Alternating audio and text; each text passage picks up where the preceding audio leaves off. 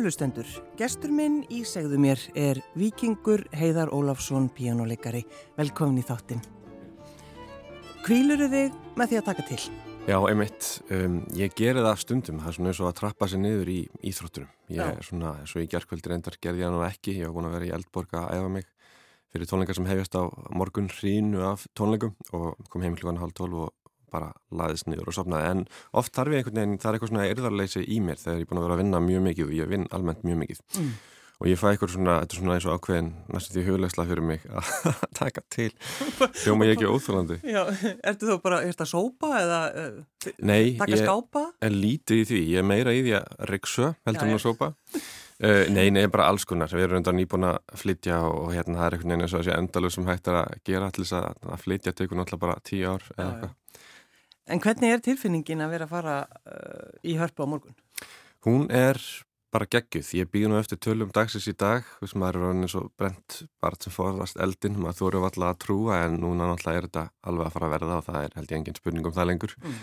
En maður er alltaf búin að vera að býða eftir því, núna kom, var ég fyrir að dag, þau hitti fyrir að dag eitthvað nýtt smitt utan sótkvíjar og ég sagði bara nú kemur þetta, koma tíu smitt daginn eftir hundra og þúsund og, og þú veist að verða bara aldrei aftur tónleikar á Íslandi, það var svona sem ég hugsaði. En, en svo þetta var þetta gammal smitt og, og þú veist þetta er mjög skrítið, ég er náttúrulega sett þessa tónleika á með listaháttíð, þú veist þá að byrja að selja þetta einhvern tíman í oktober 2019. Mm -hmm og þetta var jólugjöfun 2019 fyrir marga og svo framvegis og ég hef búin að vera að hugsa um þessu tónleika svo fyrðulega lengi og þeir voru í júni og svo voru þeir settir í, hvernig var þetta, september og frestaðum þrjár ykkur í oktober og núna í mars og við vorum næstum því búin að frestaðum enn einu sinni mm. og það hefði verið pínu erfitt að því að svo var að koma önnur plata núna bara í haust og ég hefði kannski bara mist af þessum tónleikum ef ég hef ekki getað haldið á núna mm. þannig ég er mjög er skemmtilegt líka því að þetta er svona fyrstu tónleikar, svolítið stóru tónleikarnir eftir að allt opnar hér aftur svona með einhverju móti. Og ég hef meira verið í hinn aftur en ég hef verið að spila rosalega mikið erlendis svona rétt áður en að heilu löndin er að loka sem hefur verið mjög svona heimsendalegt og bara mjög sérstækt og svolítið sorglegt. Og ég fann það alltaf sér í Berlín í oktober að ég spilaði, já, hef síðustu tónleikarna í Berlín áður en að allt þýst tónlistalíf bara lokað og hefur bara eiginlega verið lokað fyrir áherendum síðan og það er óhugsandi í Þýskalandi. Það er svo mikil tónlistafjóð og mikil hérna, menningathjóð og ég mann einhvern veginn eftir tónleikana þá bara fór fólkið ekki úr salunum. Það var bara, það satt bara áfram í koncerthás í Bellin og klappaði, en þú veist, það var ekki beint að klappa heldur fyrir mér, ég átti alveg fínt kvöld en það var eitthvað annað og þá fann maður bara hvað þetta, hvað þetta var einhvern veginn, það var svona heimsendablæri yfir þessu, hvað þetta var sorglegt og líka fallegt, hvað það skiptir miklu máli að fólk fá að koma saman og upplifa saman þú veist það er eitthvað svona mjög djúft í mannlegu eðli mm. að, og mér fannst það líka núna í síðustu viku þegar ég var á Sinfoníun að hlusta á Wagner með Stuart Skelton að syngja og vera þarna með, það var einmitt 800 manns ótrúlega vel framkvæmt eins og verði hjá mér hérna sem fjórum tónleikum að þú veist það var bara, bara að sjá fólki og finna fyrir einhverju svona einhverju stærra heldur en að vera alltaf bara einn á Zoom eða Spotify þú veist, það er, það er mjög gott Varstu undrabann? Nei, það var, ég var alveg kallaður á Íslandi sko, en hérna stundum, en, en ég var það alls ekki. Og sko ég var, þú veist, Ísland var þannig þegar ég var að alast upp, þú veist, bara 1990 og uppur, þá var ég 6 ára og að það var einhvern veginn, þú veist, það var engin meðutundum aðra í þínum aldursflokki sem voru að gera eitthvað, þú veist, maður var svolítið mikið einn bara í því að spila og vera flinkur á píjánu og vera kannski bara bestur í tómentarskólunum en þú veist, það var ekki fyrir en ég var kannski 14, 15, 16 ára að ég fór að fara eitthvað út á bara námskeiða lendis og fá einhverja tilfinningu fyrir því hvað aðrir væri að gera í kringum í mínum aldurshópi. Og ég hef sundum hugsað ef, að, ef maður væri svona ungur í dag og væri kannski 7 ára flinkur píjánu og gutti þá er maður alltaf á YouTube og maður er alltaf að sjá hvað þessi sex ára í Peking og hinn í Moskú, þessi í London og hinn í New York og eitthvað, hvað þessi krakkar er að gera. Í dag eru þau öll rosalega tengd og vita vel hvort af öðru. Uh, en hjá mér var þetta bara, ég var bara svona flinkastur í tómyndaskólunum og það var bara frábært. En það var líka bara gott af því þá, þá æði ég mig, þú veist, ég var alveg frekar lattur til að efa en hitta því að ég var svo gaman að spila að þú veist, þá var alveg meira bara farðu nú út að leika þér og gerðu nú eitthvað annað og hérna Fjækstu þá spurningu? Eða, já, þá Já, í rauninni, meira, sko, farðu út að leika já. meira heldur en hérna verður inn að spila sko. og, og hvað gerður það, vikingur hefði? Fóstu þú alltaf út að nei, leika? Nei, nei, ég hef aldrei hlýtt neitt sérstaklega neinum En gerður þau eitthvað annað? Varst þið íþróttum? Eða? Ég spilaði fótbolta svona upp að 13-14 ára aldrei alltaf að æfa en ég var nú alltaf bara í bjeliðinu sko var ekkert sérstaklega góður eða þú veist, mér fannst ég að vera betra en öðrum fannst ég að vera held ég, það var eitthvað neðið þannig.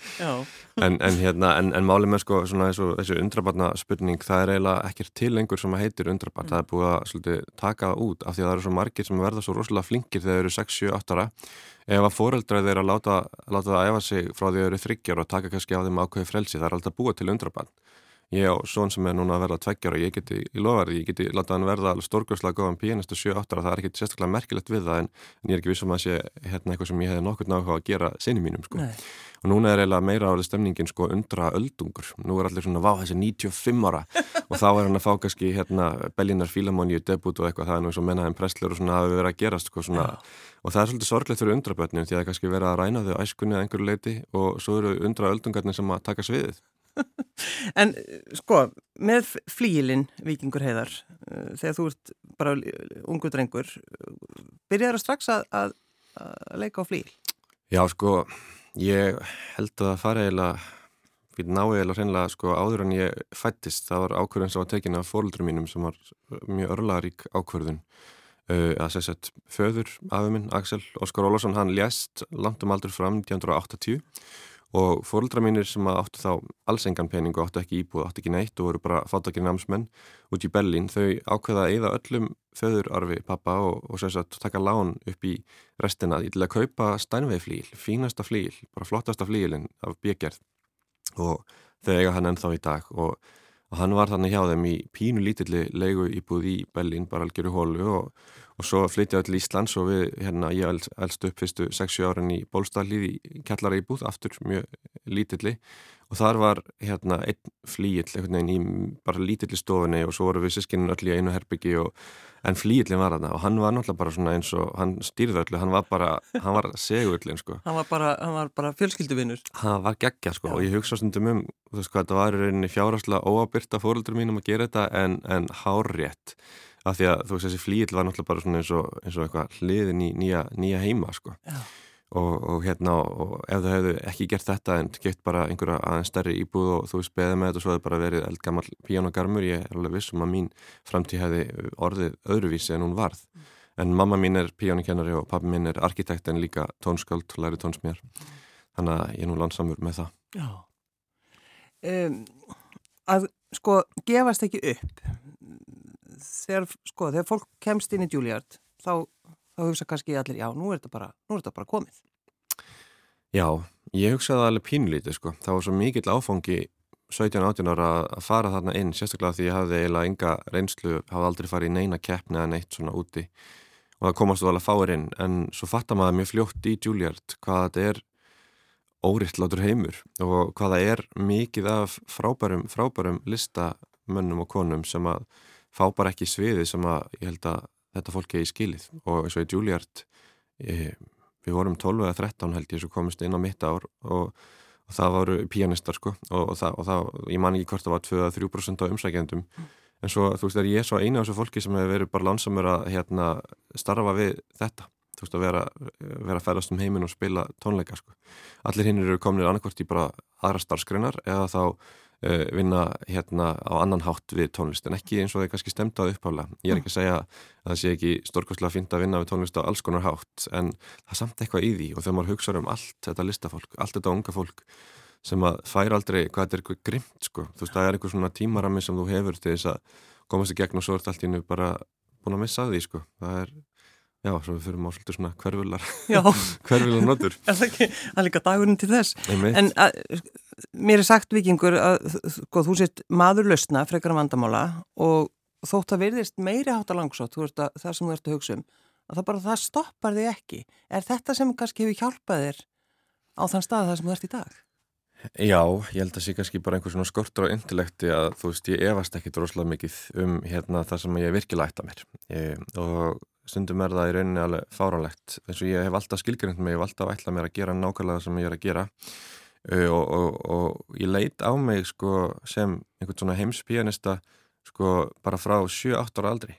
Það er ósláð skrítið að því að ég var svo langt frá því að vera það en ég skilgrinda mig uh, samt sem slíkan. Og ég gerði það líka þegar ég var 17 og var samt kannski ekki á sama stað og krakkar sem hefur alveg upp í allt öru umhverfi og miklu meiri samkeppni heldur en ég nokkuð tíman og, og ég hef alltaf gert það sko og hérna og ég hef svona næstum því aldrei efast um um, um það, eða, þú veist, en þetta var í rauninni sko, ég hef alltaf haft svona ákveð svona viðhorf að ég hafi kannski sko alla hæfileika sem að ég þurfi bara en, en ég sé svolítið seinþróska það hefur komið mér ágætlega langt sko að því að, því að þú veist, þetta er svolítið svona gott að svo margir hugsi hinn áttina að þú veist, maður hafi, þú veist, þú þarfst að vera orðin stórpínistu þegar þú ert 18 ára eða eitthvað svo leiðis, en svo man ég eftir því þegar ég heyrði að las viðtal við Vladimir Horowitz þar sem hann segir að hann hafi tilengað sér alla sína hérna píjónatækni á milli 40 og 50 sem er nú mjög orðum, orðum auki sko. En, en bara þetta viðhorf að, að það sé ekki eitthvað svona svona er ég og svo verður maður bara þannig út lífið heldur að maður sé svona listamæður sem að sem að vill og reynir rauninni aktíft að, að breyta sér svona með tímanum sko. Mm. og ég held að þetta séu svona tvær tegundir af listamennum, þú veist það eru flestir náttúrulega gera það ekki og verða bara meira og meira inn í, inn í sínum ramma sem er líka alveg fínt og raffinnara sem þeir eru að gera og verða betur og betri í því. En svo eru hinnir þessi stærstu í sögunni sko, þá eru við að tala um eins og Stravinski og, og Beethoven, tónlistinni. Það eru svona menn sem að okkur einasta árið þá er eins og þeir bara svona endur skilgrinni sig og stækki og þetta er held ég svona mótilin sem við ættum öll í, í tónlistina að líta til fekka success með eitthvað ákveð og halda sér svo einhvern veginn inn í því svona örga svæði. Mm. En þú er einhver tíman evast um starfið þitt, vikingur heðar Sko Já, einu sinni Einu sinni? Einu sinni lagðist ég bara neður í sófan heima. Það var árið 2012 tilturlega sent sko. Mm. 28 ára gammal uh, og ég man alltaf eftir þessu. Þetta var eina sinn sem ég opnaði bara fyrir þess að hugsun að kannski bara myndi ég ekki verða þessi pianisti sem að ferðast um heiminn sem að ég var samt eða fannst ég vera sko En af hverju kom þessu hugsun upp? Það var bara þú veist það er svo margt jákvægt við það að vera frá Íslandi og en það er ofbáslega erfitt líka þegar þú ert að brjótast í gegn sko ellendis af því að ég hef búin að byggja upp alveg ofbáslega sterkan og indislegan og stóran áhærendahóp á Íslandi mm. og, og var með einhvern veginn var svona þekktur hérna en alveg óþekktur í útlöndum og bara skildi ekki hvernig ég ætti að geta komist áfram af því að það var einhver leiti ekkert það er erfiða við Ísland, það var ekkert sko á þeim tíma allavega, tengslan þetta var enginn sem gæti í rauninni hjálpa mér, það var enginn það var enginn annar íslenskur einlegari sem var næðlendis, það eru bara svo fáir engir eila og þú veist og svo var enginn hljómsöldastjóri náttúrulega, það var enginn sem hafði neinn tengsl við þú veist umbósmenn það var enginn, það var ekkert svona sko eins og vini mínir frá öðrum löndum, stærri löndum þeir hafa allir sem fengið þú veist ef þú ert með hæfileika, kannski með tvítugt þá er einhver eldri hérna píanisti eða hljómsveitastjóri eða fyrirleikari eða söngar eða guðum að vita sem að, sem að svona virkilega tekur þið upp á arma sína þegar það er alltaf þannig. Og, og hérna kynir þið fyrir þessum og svo er hinn og svo fyrir einhver svona bolt að rúla en það bara var aldrei sko var aldrei einu svona pín lítil snjókúla sem byrjaði að rúla hjá mér sko, það var bara ekki neitt. Já en sko þarna varstu til dæmis að það var opnunháttíð hörpu já, já. með Askenasi Akkurat. og þá hugsa fólki að nú er hann aldrei sem vikingur hefur komið Já ég sendi sko Askenasi hérna diskin minn sem ég gaf úr 2009, ég hugsaði þess að diska sem ég var að gefa út þá í mínu einu útgáðfyrirtæki sem einhverju leið til að reyna bara að kynnast einhverjum, hann ég sendi þá á kannski, þú veist, 100-200 mann sem ég einhvern veginn hafði fyrir einhverjum adressum en núna veit ég sjálfur þegar ég fæ svona diska þú veist, það er erfitt að finna tíman en maður verður að gera það samt. Mm.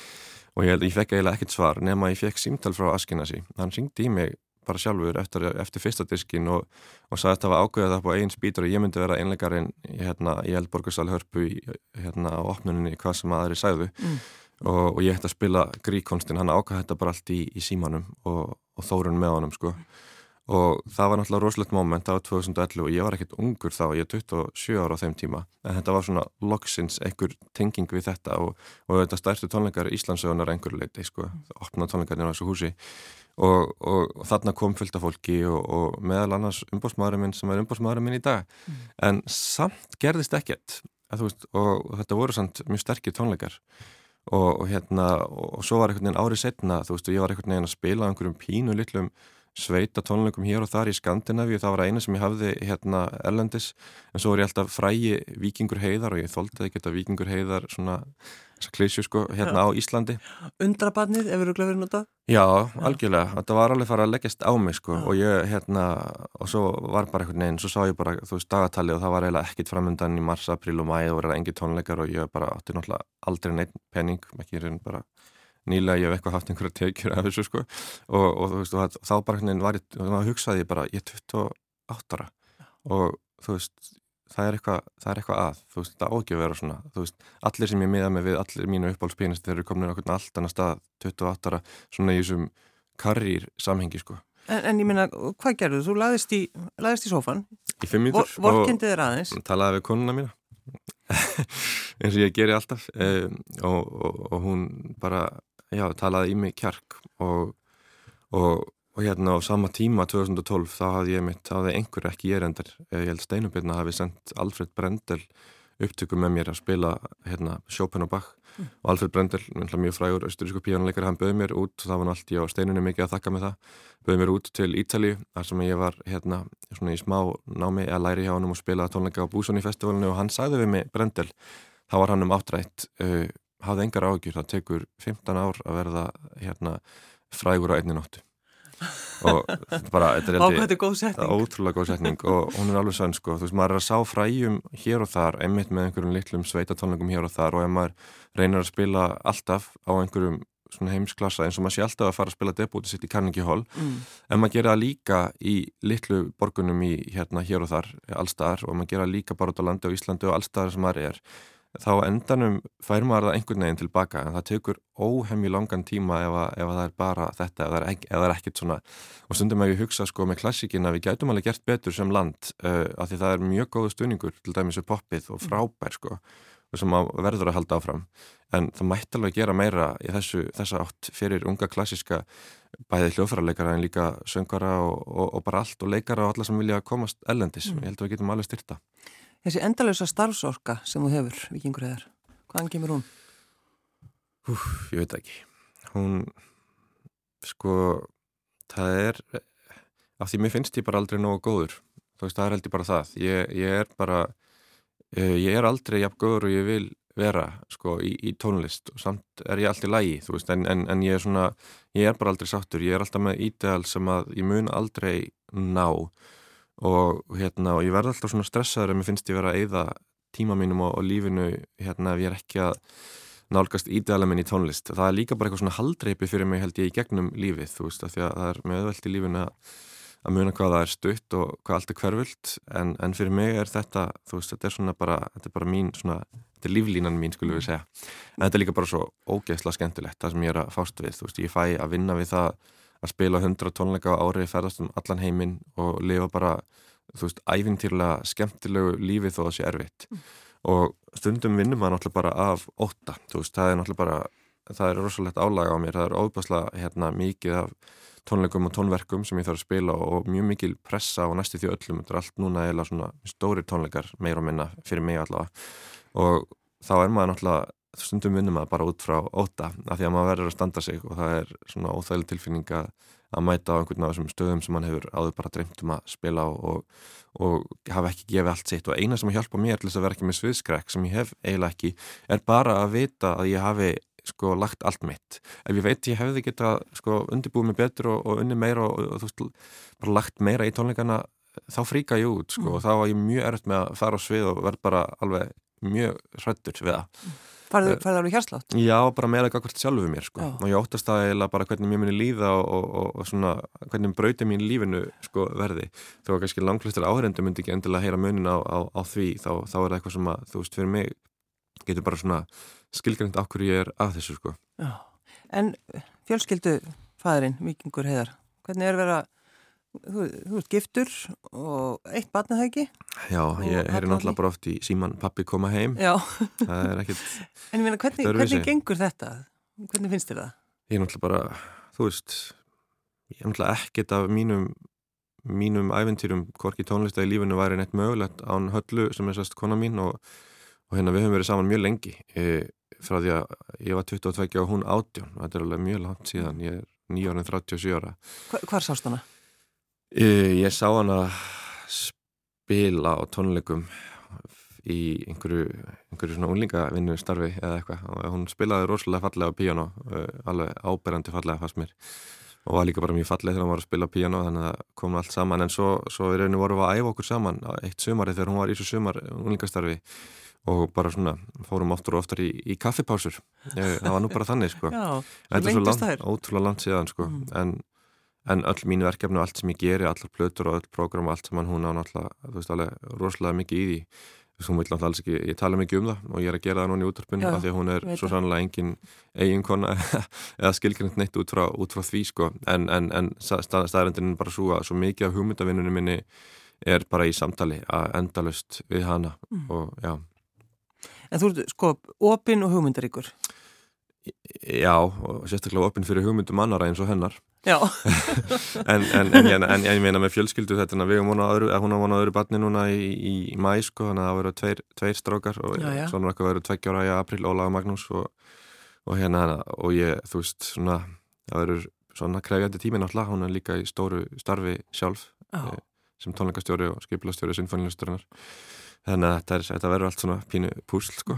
En ertu komin alveg á bara réttan stað vikingur heiðar í tengslum við þína tónlist. Sko að vera listamæður ásins á gramofónvelununum 2019 Já það er alltaf bara að fyndi sko þessi velun því að þau komu öll á sama tíma. Já. þú fart einu velun og þá er það svo allir keppistu að gefa þér önnu velun svo ætti allir komið fimm velun þú fegst aldrei einu velun áður sko. Nei, líka BBC Music Magazine. Já, já, já, þú, þetta er allt svona af því að þau koma svo sent til mín og þau koma öll á sama tíma og tekið þau ekki drosalega hátilega sko og ég veit að þau skilgrina ekki neitt sem ég geri sko, mm. þau eru náttúrulega bara samkvæmisleikur og oft eru velun meira fyrir þá sem veit að þau heldur en þá sem að veita þeim viðtöku eh, en ég held alveg að ég sé rétt um stað sko með það sem ég er fást við, mér finnst það alveg ótrúlega skemmtilegt og ég er loksins núna með stjórn á svona mínu lífi að þýldun til að ég þarf ekki segja já við neinu. Og það er það sem ég hef alltaf stemt að.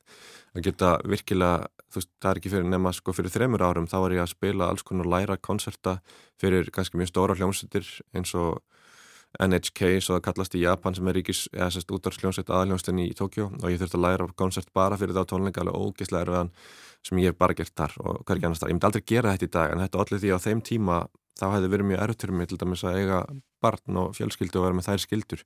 Núna loksins þá get ég skipilagt mig með alltaf um hætti og, og bara algjörlega ráðið mínu lífi og það er held ég það sem ég hef alltaf stemt á og það er eiginlega bara nýtilkomið. Það var eiginlega bara, þú veist, kom rétt fyrir COVID og svo kom COVID og tók við allt í burti og nú er allt búið að vera óvísu aftur og ég er búin að vera náttúrulega allt og mikið erlendis með endalusum sótkvíjardögum, 60 eða meira Þannig að hérna, kannski ekki alveg komin þessi stjórn sem átti að vera komin en ég held hún sé að koma núna setna þessu ári. Mm.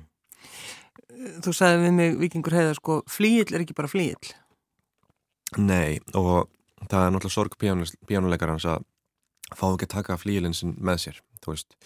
Ég á náttúrulega og við halla eigum saman uh, þann flíil sem ég veist bara bestur, hann er heima hjá okkur Eh, við hefum nefndað nokkra en þessi, hérna, þessi er svona svo sem að stendur hjart okkur næst og við veldum saman 2009 eða eitthvað og ef ég mætti taka hann með mér og spila á hann þá er mitt svo miklu öðuldra segjulega þá væri ég náttúrulega bara þú veist, ég þarf alltaf að vera að fara á kannski fá eina æfingu og svo þarf ég bara að spila á eitthvað, þú veist, þetta er svona eins og, eins og skyndi kynni næstu því einhverju fliklum og svo, svo þarf maður að treysta svo mikið á sko píjan og stillarana, þeir skipta svo rosalega miklu máli, þú getur verið með æðislega flíil en auðvitað ekki með góðan stillara þá, þá bara fellur alveg um sjálft sig sko. Flílinn þarf að svara er á svona hátt sem að fólk held ég fattar ekki alveg sko. þú veist það er bara það næmasta hérna alveg fremst í fingur gómunum sem þarf að svara þú ert að geta spila alveg veikasta, veikasta, veikasta veikt og svo sterkasta stert og, og hann þarf að vera fallega hérna balanseraður þannig að hann sé ekki allt og sterkur í bassanum og allt og veikur uppi og það er eiginlega, það er náttúrulega engin flíl sem er fullkomin alveg þess að það er engin manneskja fullkomin í sjálfu sér en, en, en þeir þurfa að hafa ákveð og maður er svolítið upp á komin sko. Já Þannig að eins og til dæmis núna í dag vikingur heðar, hvað, hvað ætlar að gera í dag? Ég verð náttúrulega bara í hörpu að vinna í flíklunum fyrir morgundaginn og voru náðum tíu ára og bara hvert ríkistjórn í Íslands til þess að setja peningi að kaupa nýjan flíl, því þetta er alveg fara lett, við þurfum nýjan flíl í hörpu, svona þannig að lífstími svona flíls er um tíu ári í svona húsi, svo verða það ekki lengur svona einlegsflíklar þá verða það meira kammerljóð það er að missa tón og svo framvegis það er alveg komin tíma á þetta. Já, nú, þeir eru að hlusta. Já, ég bara verða, verða að gera þetta Já. annars get ég ekki tekið mér upp og gert mikið meira þú veist í hörpu, það þarf að fórgansra tónlistinni hana Ég veit þannig. að Svanildur er með mér í þessu en við þurfum Já. stöðning með þetta en, en þú veist, ég verða þarna að reyna hérna og ég mun á því fyrir þessa tónleika en ekkit margi viðbót uh, með þennan flíl sem að er þarna. Og þetta er bara svolítið svona glemst að flíklar eru náttúrulega bara svona svo manneskip þeir eru svona, þeir eiga, eða prímaballirinnur meira. Þeir eiga svona, þú veist, tíu ára præm sko og, og svo, svo, svo breytast þeir verða hlýjur og fallegir en, en er ekki það sem þeir voru að þannhátt mm. Þeir get ekki framkvæmt sömu svona stöndin sko. Þannig að þetta er, þetta er eitthvað en á Íslandi er maður alltaf að djöblast og maður þarf alltaf að vera, þú veist, gera alltaf, maður þarf alltaf að vera að djöblast í öllu til þess að eitthvað gerist sko. Mm. Þannig að nú ætlum ég að fara að djöblast í því að reyna einhvern veginn finna einhverja til þess að gera þetta ef, að, ef þetta verður ekki gert af ofnbyrjum. Þú veist, með þess að Reykjavíkuborg og, og hérna Ríkistjórn Íslands segir bara gefa hörpeti tíu ára ammali, það er, þú veist, já. Hva, hvað, ef ekki halda hald áfram, hvað kostar svona ríl? Já, hann kostar ekkert fyrir sko, svona batteri, þetta er ekkert í samhengi ríkisfjármála, þetta er mikið fyrir mig og þau, þetta er 25 miljónir mm. en það er ekkert mikið yfir 10 ár með að við hvernig þessi flíil er nýttur, þetta er bara svo þú veist að tæknibúnaðurinn er hérna, endur nýjaður, ljósunur er endur nýjaður, allt er endur nýjað en flíilin á bara að vera þetta í 40 ár. Og það er náttúrulega bara fáralegt. En þegar þú ert undirbúið undir svona, þetta eru fjögur kvöld Já, sko, þetta er... Hvað þarf þetta að gera? Bara fyrir þig svona andlega? Bara, ég sef alltaf, reyna að sofa alltaf svona, svona eins, og, eins og ég væri komin að eftirlaun, alltaf bara eftir hátið, ég reyna að sofa 1-2 tíma, það er opaslega gott fyrir mig. Já, bara eftir fréttir? Já, ég, einmitt, ég, ég vinn svona morgunin og undubý mig og kannski fer í gegnum prógrami allt saman og ef ekki alltaf hljómborðið eða píanóið, þú veist, þá í hugunum, hverja einstu nótu en svo reynir ég að leggja mig alltaf að því þegar maður leggur sig og fer í styrtu og klæða sig í fötinn þá er eins og maður einhvern veginn endun í sig. Það gerist eitthvað og þá maður einhvern veginn að fer maður einhvern, eitthvað annað heldur en ef maður er vakandi alveg frá snemma mótnana og beintorma kvöldi það er erfiðara, það er einhvern veginn, þú fær nýjan dag út úr því og nýjan performance. Mm að hjálpa mér. Og ég, hérna, en með þetta þá er það bara svona, þetta er svolítið bara svo íþróttunum, þú veist, það er bara, það er háragrautur og það er bara, þú veist, það er bara að drekka rosalega mikið af vatni reyna að borða eitthvað prótenríkt í alvörinni, sko, á, á undan. Þetta er, og ég ætla að spila alveg rosalega efnisgráð þessi kvöld, sko, þetta er alveg tveir tímar pluss með hlýi og þú veist, þetta er eitthvað svona, ég fjóksa bara ef þetta er hægt og þetta má og við erum ekki með COVID akkurat núna þá ætlum ég bara að láta vaða sko. mm. ekki vera með einhverja litla COVID tónleika svo allir eru búin að gera 60 mínútna streymi Litla COVID tónleika Já, en ég verð bara, þú veist, en maður það náttúrulega bara að svona hugsa svolítið eins og maður væri íþróttamær og, og það er svona, ég myndi með sörgulega sofa í öðru herbyggi heldur en hérna sónu minna því hann við ekkur okkur alltaf með að nótt og erum með, hérna, með svona smá, smá partí Já, það er það að vera en ég, ég, ég, muni svona á veist, þessa nætur mun ég öruglega bara vera aðeins öðruvísi já, já, já. Passaru sérstaklega eh, hendurna þeinar? Já, sér hvernig það eru núna, það eru svona inn í ermunum á, á peisunum minni já. hérna, ég er alltaf svona undirmeðundunni passa hendurnar og ég dætti einu svona niður stiga á esku heimilu mínu og bara bakbrotnaði næstu því að því ég bara ekki hendurnar fyrir mig Og, og þú veist, það er náttúrulega, en á sama tíma það fæ ég reglulega símtöl frá einhverjum tryggingarstofnunum sem vilja selja mér trygging og hendunum mína en þú veist, mér finnst það svo eitthvað viðbjörslu tilugsun að setja sko verðmiða á þær mm. og þetta sem ég geri. Og þú veist, ég bara vil það ekki. Og þú veist, svarið er náttúrulega bara að því hafa náttúrulega ekki efnaði en þú veist, en ég meina, auðvitað gæti maður tryggt en málur þetta, ef maður myndi lendi einhverju uh, og ég myndi alltaf inn að fá fúlgur fjár, það myndi mér náttúrulega bara líður sem ég hefði sko gert eitthvað svona eins og þetta væri eitthvað svona sko samningu við djöfulinn sko eins og ég hefði bara selgt frá mér hamingjuna. Veist hvernig myndi mér líða með hennan penning ef hann kemur hann í staðin fyrir hendunar ég held að ef maður missir sko hendur að þú veist í þessu samingi þá þurfum maður að finna einhverja aðra leið út úr því heldur en að, að, fara í fjárfestingar. En þú ætlar að, að semst, taka móti okkur sem eru búin að kaupa miða fyrir sko, þegar eru einhverju búin að gleima því að við kemst miða. Já, algjörlega. Þetta er náttúrulega bara, þetta er svo langt síðan að byrja að vera að tala um þetta. Þetta var alltaf aðal spurningin, ert þú búin að fá miða á Viking Heðar? Já, einmitt, en hérna, þetta er, já, þetta er ótrúlega skemmtilegt. Ég held að sé, það er einhverju týjir miða eftir í heldina, hundra miðar að smottir í hérna. Fyrir þessi fjögkvöld. Já, já, ég held að lögutaskvöldi að því við vorum að bæta því við, það er alltaf ennþá hægt að fá á það sko, mm. en, en hérna, þetta er náttúrulega bara algjör draumur að vera þarna, en ég þarf að hugsa allt svolítið upp á nýtt að því vennilega spilaði fyrir 1600 manns, en þarna eru 800 og það breytir hljómnum í salunum, það er svo margt. Og veist, það breytir, ég þarf að breyta hljómbyrjastillingunni og ég þarf að stilla hana sérstaklega. Já, út af, út af salunum sjálf Algjörlega, því að salurum breytir svo mikið, það sem við kallum bara kjött og klæði uh, þá, þá, þá dempar það hljóminn sko. þannig að ég þarf að vega þá að meta hvort ég vilji eitthvað vega gegn því að vera bara með 800 uh, eh, manns en ekki 1600 eða, eða bara ekki sko. Hvernig tekst þér vikingur heiðar að, að vera ekki hrókafullur?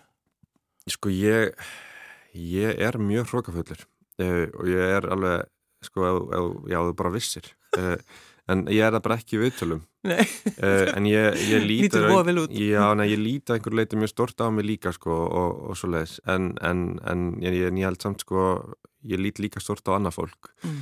þú veist og, og hérna ég held að það er líka bara eitthvað svona íslenskt það er engin merkilegur en annar eða skandinavist og norrænt sko, mm. er, það er bara rosalega gott og lengi megið að vera svoleiðis hér sko að það er ekkit merkilegra við þetta starfheldur en svo sem önnur störn nema bara ég er rosalega heppin að vera í því að þegar mér finnst það svo skemmtilegt. En annað fólk sem er í starfið sem er jafn skemmtilegt eða því finnst jafn skemmtilegt það er bara algjörlega sambarlegt þá. Því það er eina sem skiptir mála á endanum það er rauninni hvernig þér líður og hversu hafmyggi sem þú ert í einn lífi þegar heldur en velun eða, eða hvað er í segjum þig sko. Mm. Spurðu, ertu stundum að spyrja sjálf að? Já, oft sko, sérstaklega núna, ég er á svo gammal ég er 37 ára orðin sko og ég ætlaði mér alltaf að toppa. Ég hafði alltaf þá hugmynd svona þegar ég var um tvítutt að vera komin á einhvern svona stað á þessum tímapunkti í lífu mínu. Ég á með svona leini markmið eins og að gefa út til Deutsche Grammophon, þú veist sem er orðið og svona eitthvað, þú veist ég á með einhver svona sem eru mjög hjákalli markmið og ekki merkilega ekki nógu áhugaverð markmið í sjálfu sér. Mjög yfirborskend, en ég var með þau sem ungum maður og svo þegar maður næri þessum markmiðum þá er það, það er svolítið svona óhugnarlegt sko, þú veist, þá fattar maður annars vegar hvað maður hugsaði í rauninni kannski smátt eða hvað markmiðin eru, já, hégumleg en, en, en líka bara hvað lífið er stutt og, og, og hvað maður er orðin gammal 37 ára háaldraður. Við ætlum að, að klára þetta með uh, lagi sem ég lefi þér að velja, auðvitað. Hvað er það sem við ætlum að hlusta á? Já, við ætlum að hlusta á að, kannski, verk eftir Jean-Philippe Rameau sem er hérna verður á þessum tónleikum í hörpu e, og er enda fyrsta verki sem ég spila á þeim tónleikum, það er opnunaverkið og það heitir, ég uh, halla nefndi það eiginlega hérna listin og stundirnar eða The Arts and the Hours að því að það hétt óendala löngu frönsku nafni. Þetta er innan úr óperu millispill Le Bourriat og hérna sem er síðast á ópera Ramos, hann var 80 ára og þetta verk er eitt af fallasta verk sem hefur verið bara samið, mínu viti á átjóndöldinni og hann semur þetta alveg í barokkinu og þegar að klassikin er að byrja en verkið í anda er háromantísk og, og, og eila síðromantísk, þetta gæti verið eftir maler og þetta er það sem þessi tónleikar fjallar svo mikið um, hvað er tíminn? Þú veist, Debussy við hugsaum um impressionism og eitthvað svona yfirborskendar Mónu Lísu hugsanir, en hann var maður baróksins og hann var maður enduristnarinnar í, í hérna tónlistinni, á menna Ramó hann var maður framtíðarinnar. Og við erum oft með einhverju svona allt og einfalda mynda þessum tíma og við erum að skilgjörna fólk hver er hvað og hvaða listamæður þetta tímabil og hver er hitt en ég er að reyna að sína fram á það að, að hérna, þetta er allt saman algjörlega að tónlistin er svo, eins og tímaflakk þú veist og það er ekkert það er ekkert klassíst, það er ekkert barokk, það er ekkert til sem heitir skilgrinning í list.